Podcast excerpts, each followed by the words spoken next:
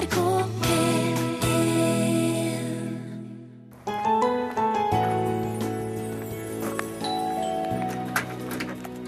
Hei, hei. I dag drar vi på besøk i Jonsveinsveien 46 i Trondheim. I det her romantiske hvite huset ble folk torturert og drept under andre verdenskrig. Hvordan er det å bo her nå? Eh, Ser jeg inn i spisestuen, så ser jeg ikke Rinnan sitte der. Der ser jeg min eh, besteforeldres gamle spisestuemøblement. Så tenker jeg på julemiddagen på første juledag eh, hos min farmor. Det er min assosiasjon med det, det rommet og det møblementet. Jeg må påminnes at dette var Rinnans kontor. Eilif Hugo han har klart å skape sin egen historie i villaen som en gang ble okkupert av Henry Oliver Rinnan og den fæle banden hans. Vi får en omvisning og noen tanker om det å leve i det her tidligere torturkammeret. Mellom himmel og jord med Margrete Nåvik. Senere i Mellom himmel og jord i dag skal vi møte Farah, som var på vei inn i et arrangert ekteskap. Men da hun sto der i sin champagnefarga brudekjole på selve bryllupsdagen, så skjønte hun at det her kan jeg ikke gjøre. Det var litt sånn stille protest også. Jeg var ikke villig til å se ut som en typisk pakistansk brud. Jeg hadde på meg kjole, men jeg hadde f.eks. ikke satt opp håret. Jeg hadde ikke gjort det lille ekstra som en brud gjør, da. 20 år etterpå er hun fortsatt ugift, men hun har adoptert en sønn. Og nå lurer jeg på om de her arrangerte familieforholdene ligner litt på hverandre. Vi får hennes historie om litt, men eh, nå er det mulig å føle uforbeholden glede og lykke i et hus der det har skjedd mye fælt. Under andre verdenskrig så okkuperte den berykta Rinnan-banden en villa i Trondheim. Der ble norske motstandsfolk utsatt for grov mishandling og tortur. Mennesker ble også drept der. I dag, drøye 70 år seinere, så er denne villaen hjemmet til en mann med helt andre interesser. Vi spør hvordan er det å bo i et hus med en sånn historie? En stor, hvit trevilla med blågrønne lister, en liten kjøretur fra Trondheim sentrum. Et gullfarga husnummer ved inngangspartiet. 46. Jonsvannsveien 46. Her bor bergenseren Eilif Hugo Hansen. Hei, hei. I dette huset har Eilif Hugo bodd i over 20 år med musikk- og tegneseriesamlinga si. Men innenfor disse veggene har òg Henry Oliver Rinnan og den berykta banden hans holdt til for over 70 år sia. Ja, nei, altså har, har jo skjedd mye og grusomme ting i huset. 1940. Det er krig i Norge, og 25 år gamle Henry Oliver Rinnan fra Levanger melder seg som soldat på norsk side for å kjempe mot tyskerne. Men han blir avvist. Seinere samme år. Henry Oliver kommer i kontakt med representanter for Gestapo. Han liker det han hører, og havner på tysk side. Slik begynner historien om nordmannen som blir en av de viktigste støttespillerne til tyskerne under andre verdenskrig. Jobben hans går ut på å bygge opp et nettverk med agenter som skal avsløre norske motstandsfolk. Hovedkvarteret ligger i Jonsvannsveien 46. I kjelleren fester Rinnanbanden, men her blir òg flere titalls nordmenn grovt mishandla i krigsåra. Så Rinnan hadde jo en sånn filosofi at her i huset så snakker folk sant. Og hvis de ikke snakket sant i første omgang, så var det å presse de ut med forskjellige torturmetoder. Og det var jo nede i kjelleren da først og fremst at ting skjedde. Det er lågt under taket i kjelleren, noe som en gang passa Henry Oliver Rinnan godt. Han var bare 1,60 høy. Rommet har i dag lyse farger. I hjørnet står en vedovn fra krigens dager, og gjennom et lite vindauge ser en friheten. På et bord ligger kuler Eilif Hugo har plukka ut fra veggene i huset. Her ble de da torturert. De prøvde å presse ut sannheten. Mm.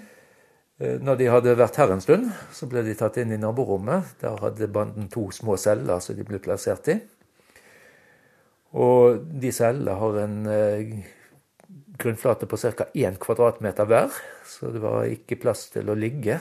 De eh, måtte stå eller sitte. De var vel antagelig ikke i tilstand til å, å stå skikkelig, så de satt vel De var vel det må ha vært relativt ubehagelig eh, stilling å, å, plassere seg inn i en sånn trang celle. Hva slags følelser får du når du står nede i kjelleren din? Nei, altså normalt sett så har jeg ikke noen spesielle følelser utover at dette er kjelleren i huset mitt. Men eh, det er klart de gangene jeg begynner å tenke på historien, så dukker det opp litt sånn spesielle assosiasjoner i noen tilfeller. og Ei hending han ikke glemmer, var da han måtte spyle bort gammel, rød maling fra dørene i vaskerommet.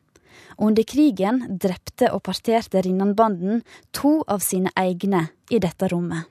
Når jeg da sto her nede og spylte denne døren, og det plutselig begynte å flyte rødt utover dette gulvet, akkurat da var det en litt spesiell følelse. Ja, kan du beskrive det? Da kom jo tankene med en gang til denne, denne historien.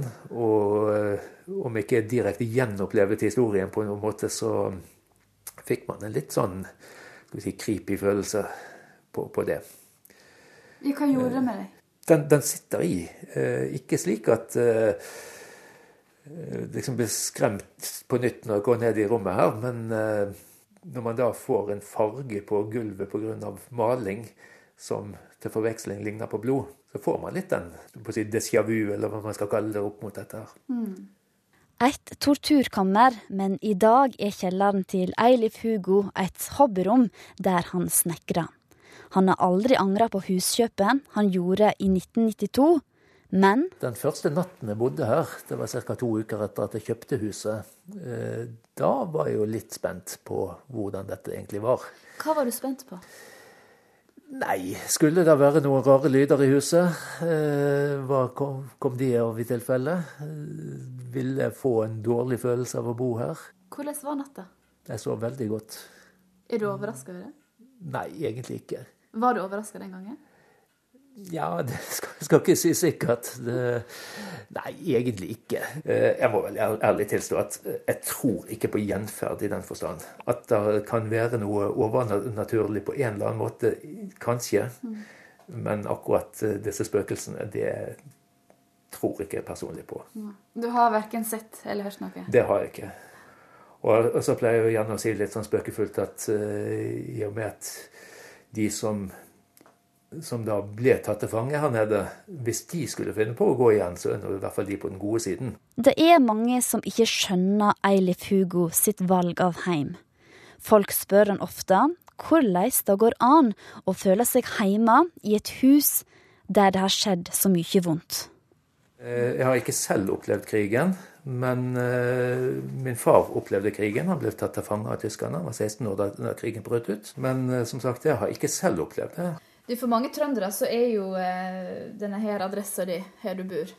At det går kaldt ned ved ryggen når de hører adressa di. Det at det, du ikke er trønder, tror du det er lettere for deg å bo her da? Det var et av de spørsmålene jeg tok med meg selv når jeg kjøpte huset.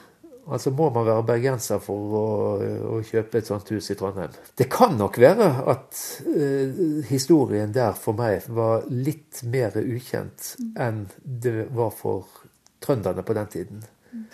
Men du, eh, i 92, når du eh, tok over dette huset, så, så, skulle du gjøre dette her til din heim. Ja. Eh, hvordan eh, går en løs på en sånn oppgave? Nei, altså, jeg tenkte ikke på historien sånn eh, dag ut og dag inn mens jeg holdt på å innrede og pusse opp og har tatt litt bit for bit og forbedret rommene. Eh, så jeg gikk i gang egentlig med huset som et hus, ikke som en historie. Mm. Hvordan klarte du det? Ja, Det er vanskelig å svare på. Eh, det ble nå bare slik at når jeg gikk i gang og drive oppussing, så tenkte jeg på hammer og spiker og maling og, og, de tingene. Og da forsvant historien langt bak i, i tankene, altså. Så du har egentlig valgt å glemme historien litt? Ja, altså når man bor i et hus sånn som dette, så kan man ikke gå og tenke på historien hele tiden. Mm. Det, da, da, kan man ikke bo her. Man må være bevisst på historien, men samtidig ha den på siden eller bak i, i, i hodet, slik at det ikke er det som opptar tiden. Mm. Eh, har det vært viktig for deg personlig å skape en ny historie for huset? At eh, folk eh, i dag skal heller huske deg her enn eh, Rinnan og banden?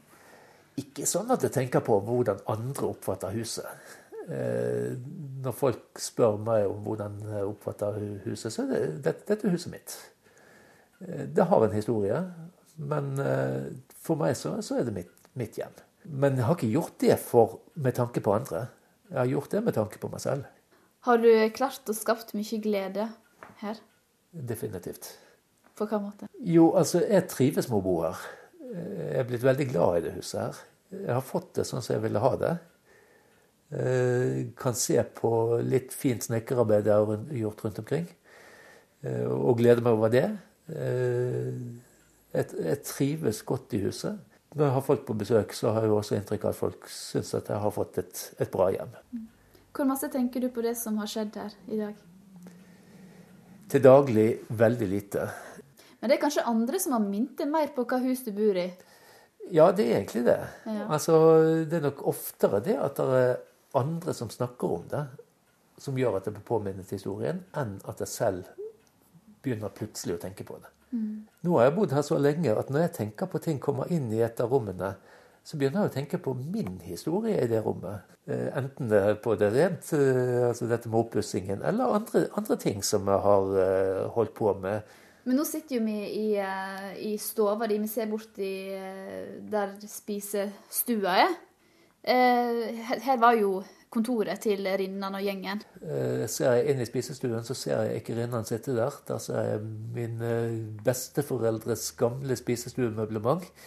Eh, hvis jeg ikke tenker på historien her i huset, så tenker jeg på julemiddagen på første juledag hos min farmor. Det er min assosiasjon med det, det rommet og det møblementet. Jeg må påminnes at dette var Rinnans kontor. Det forteller Eilif Hugo Hansen om eh, den hvite villaen han kjøpte for 22 år siden. Han forelska seg i sjølve huset og arkitekturen, og historien den hindra han ikke i å kjøpe huset. Du kan se bilder av villaen og lese mer om denne saken på nrk.no. Reporter var Camilla Kjønn Tingvoll. Tenk deg at du får et bilde av en person som du aldri har møtt. Du får vite at det her mennesket skal du nå leve sammen med. Dere skal sammen bli familie. Snakker vi om eh, arrangert ekteskap her, eller kan det være adopsjon? Farah Ghazanfar har opplevelser med begge deler. Og det er jo veldig like situasjoner, det her, sier hun. Siden hun var tolv, hadde mor snakka om hvem hun skulle gifte seg med ville hun ha han morsomme, høyreiste med pene øyne, eller ville hun ha han slanke, smarte med det vakre håret? Utvalget var begrensa, men slett ikke dårlig.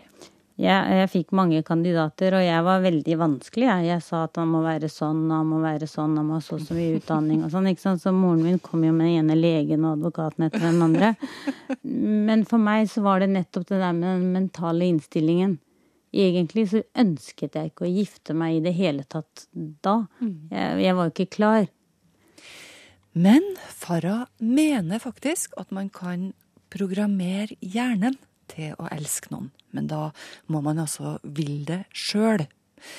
Det her skjønte hun senere, da hun fikk et bilde i posten av en liten mann som senere skulle bli sønnen hennes. Vi skal få høre om det også, men først tar hun oss 20 år tilbake i tid. Hun er 26 og har gitt etter for mange år med press. Hun har kommet fram til den dagen bryllupet skal stå. Jeg var jo pynta. Eh, jeg hadde jo på meg en fin kjole som min mor hadde eh, kjøpt. Den var litt sånn champagnefarget.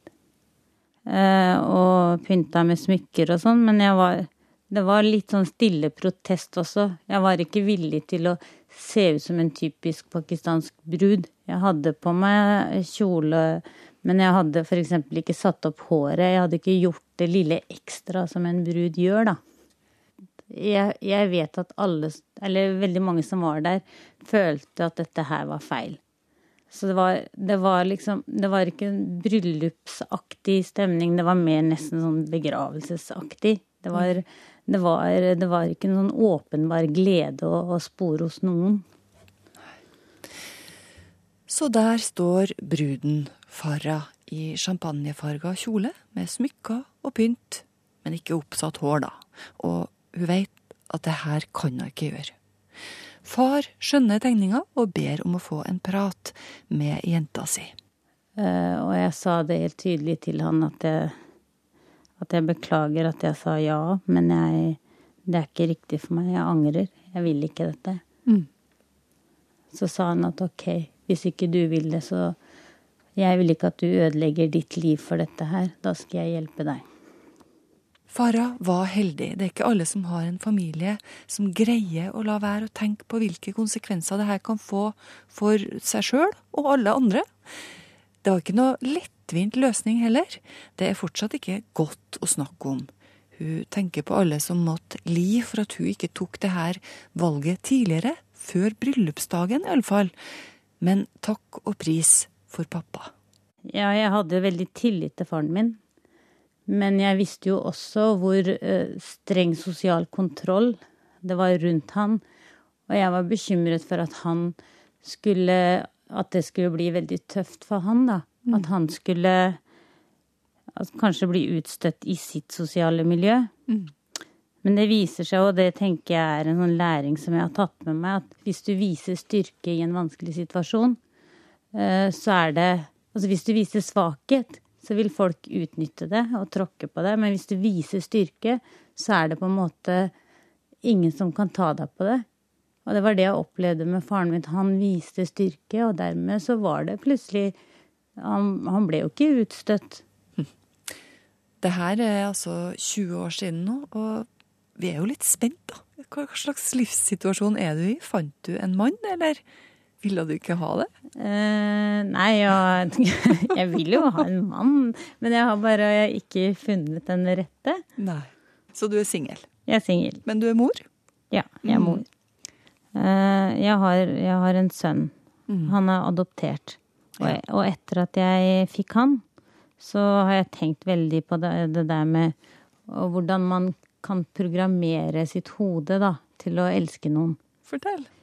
Altså, vi har jo ikke noen biologiske bånd, han og jeg. Mm. Men når jeg valgte å adoptere, så, så, fikk jeg et bilde av et lite barn. Mm.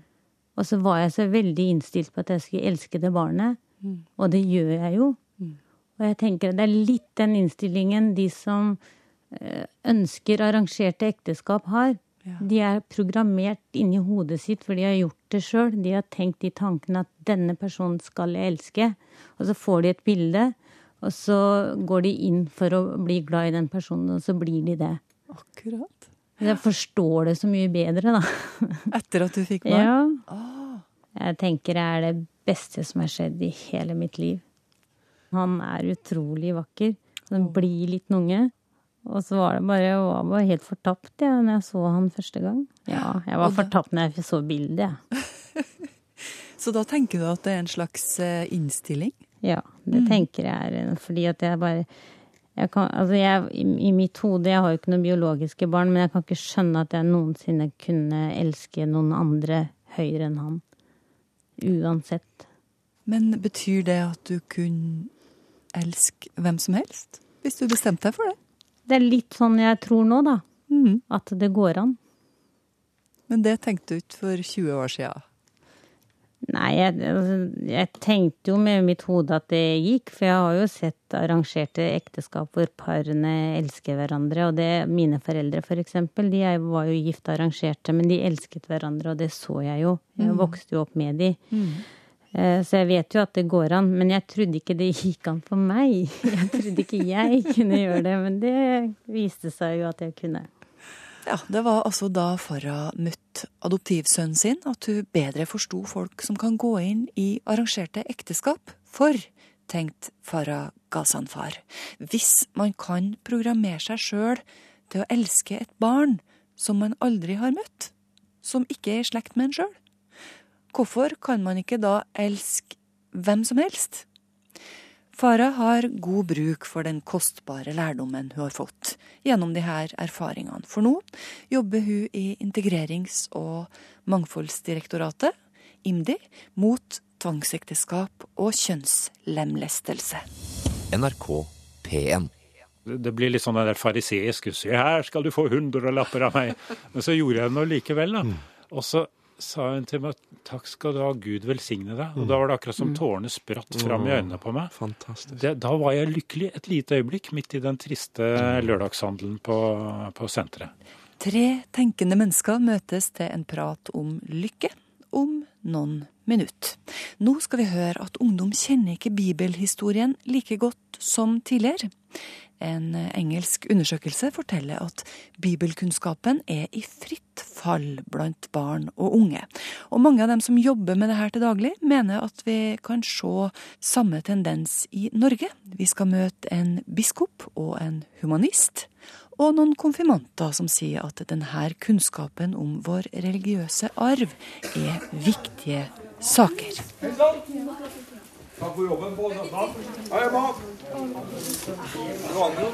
Sogneprest Jan Asbjørn Sagen hilser alle konfirmantene velkommen med fornavn. Rundt 40 tenåringer samles rundt de sju bordene med grønne stoler inne i salen i Kirkelig aktivitetssenter på Lade i Trondheim. Husk på, folkens, at uh, bare siden at tavla er her, da.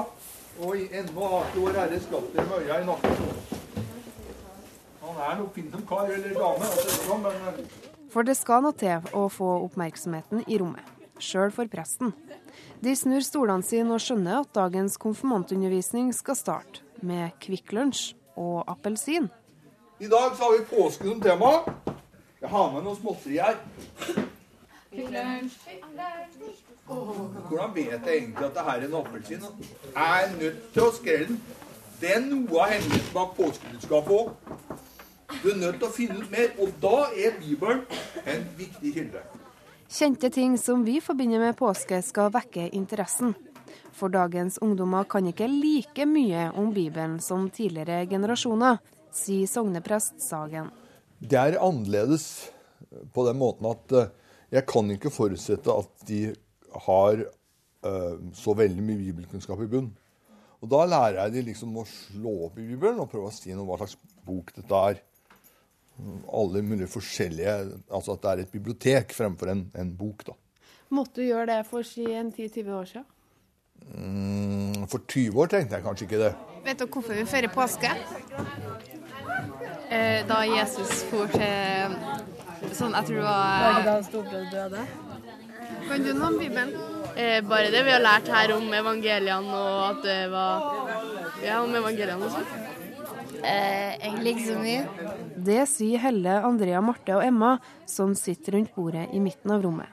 En engelsk undersøkelse viser at bibelkunnskapen er i fritt fall blant barn og unge.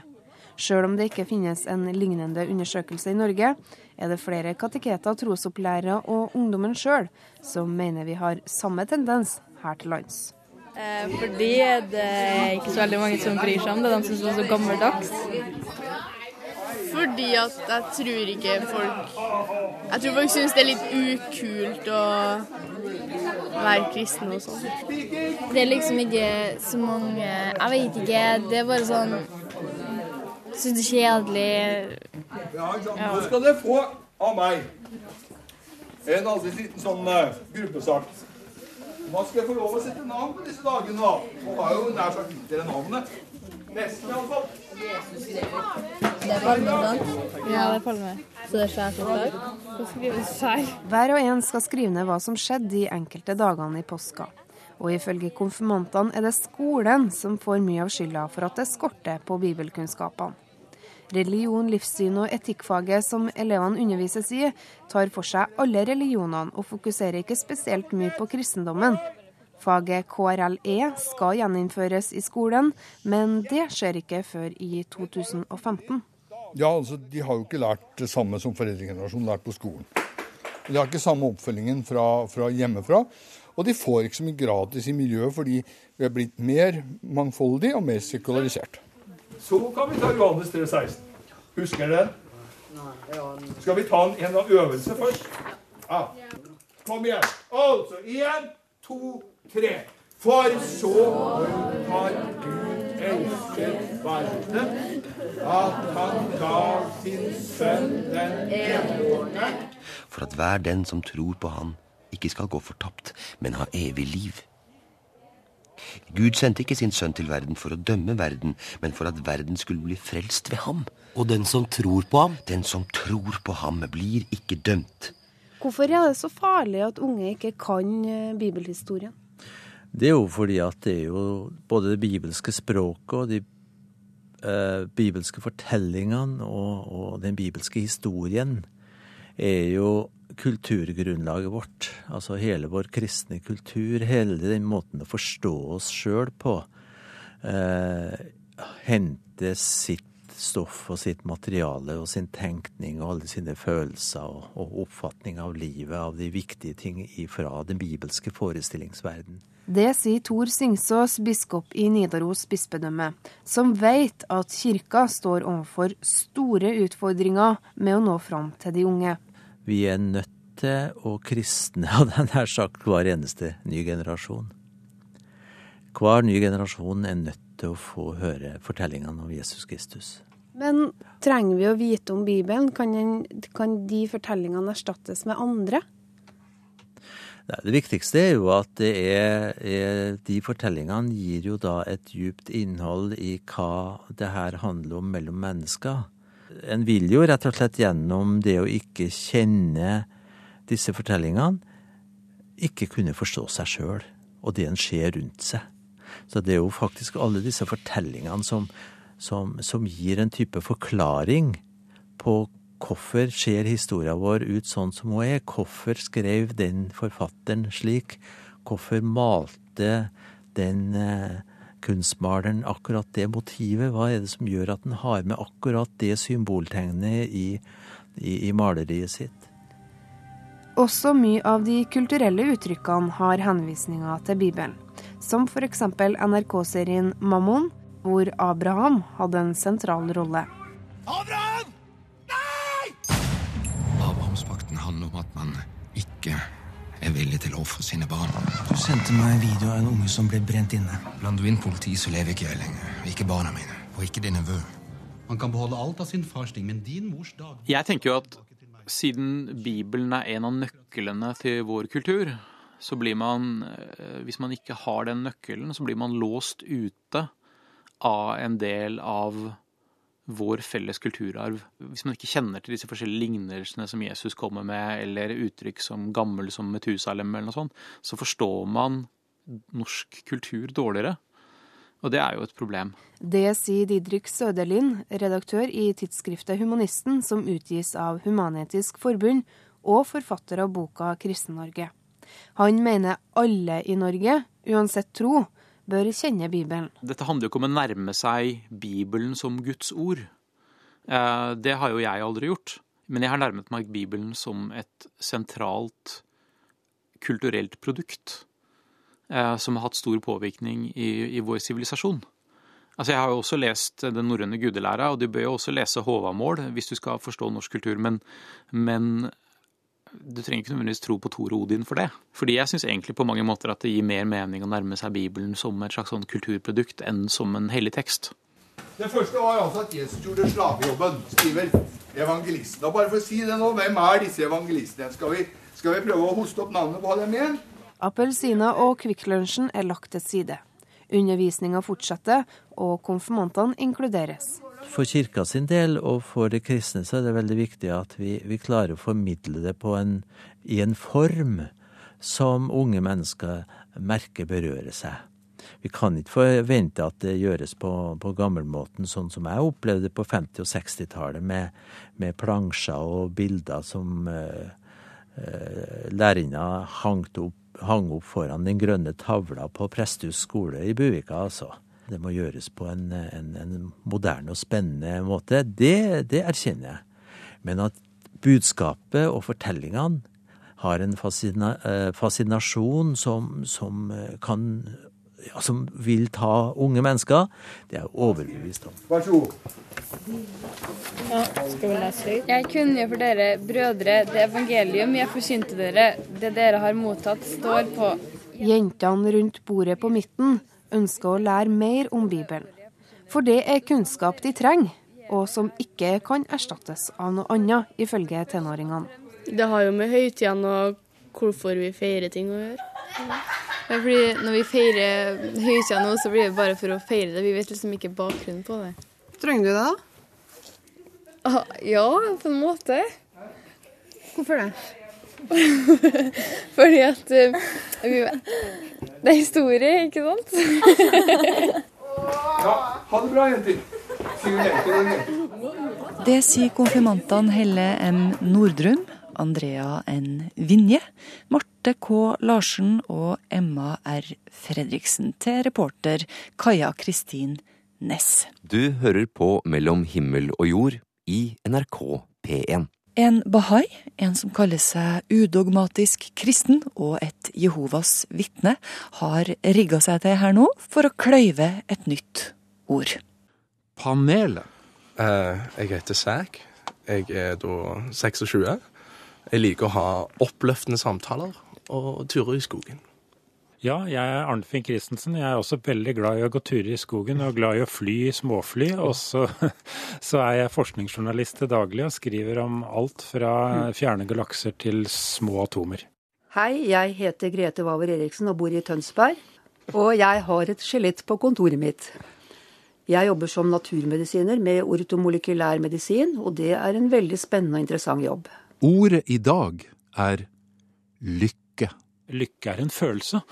Og den er veldig flyktig, og den kan komme når jeg minst venter det. Det er veldig vanskelig å jage etter lykken, fordi den kom en gang jeg var på sykkeltur og var egentlig ganske sliten og trøtt og følte meg ja, egentlig veldig lei meg. Men plutselig så stopper jeg et sted, og så er det sommer, og så ser jeg noen sånne fjerne åser i Nordmarka, som er et sted jeg er veldig glad i. Og så var det akkurat som det var en stemme som sa til meg ikke glem åsene i ditt liv. Og så plutselig så var jeg veldig lykkelig i fem sekunder. Eller kanskje ti, jeg husker ikke.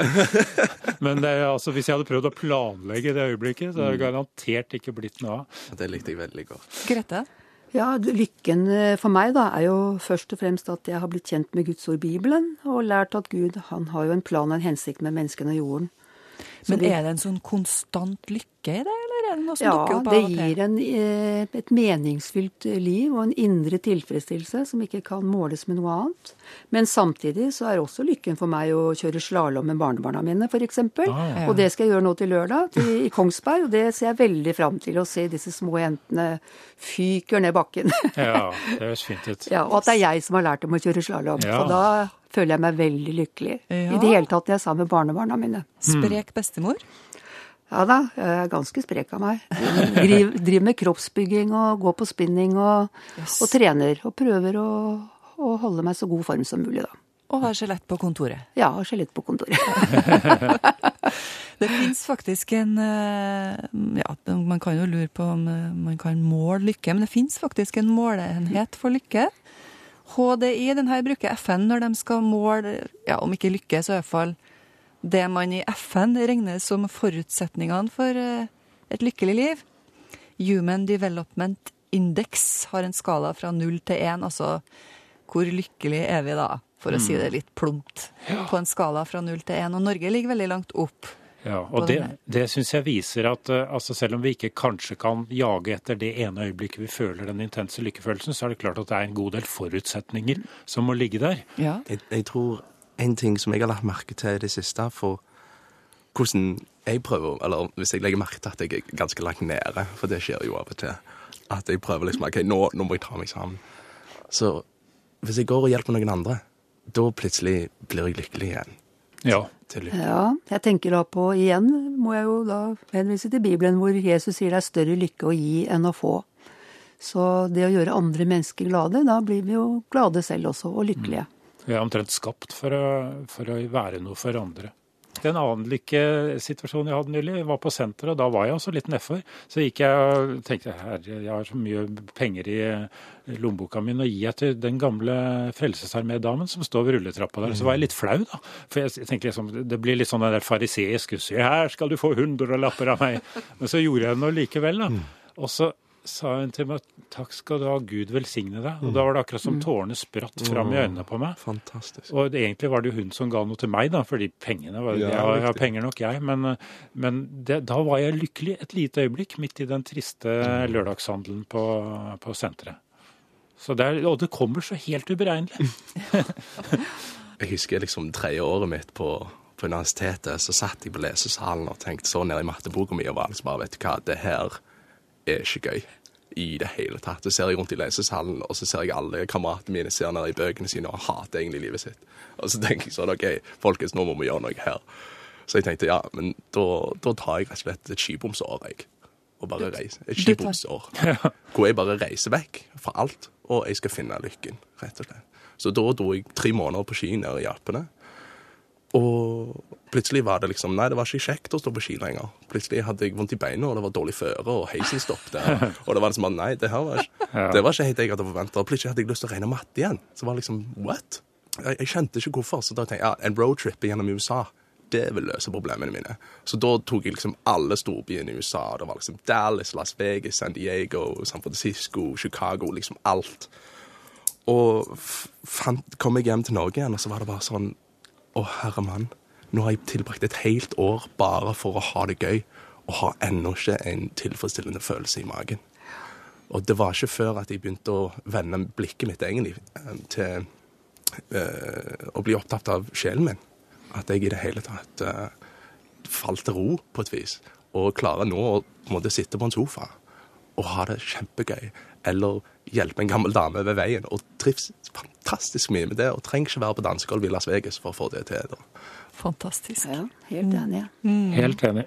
Sekk Livsøy, Bahai, Grete Wauer Eriksen, Jehovas vitne, og Arnfinn Christensen, som kaller seg udogmatisk kristen. Ingen av dem trenger å være på et dansegulv i Las Vegas, altså, for å kjenne lykkefølelsen. Med det så takker vi for at du hører på oss. Gikk du glipp av noe her, så finner du igjen programmet både her og der.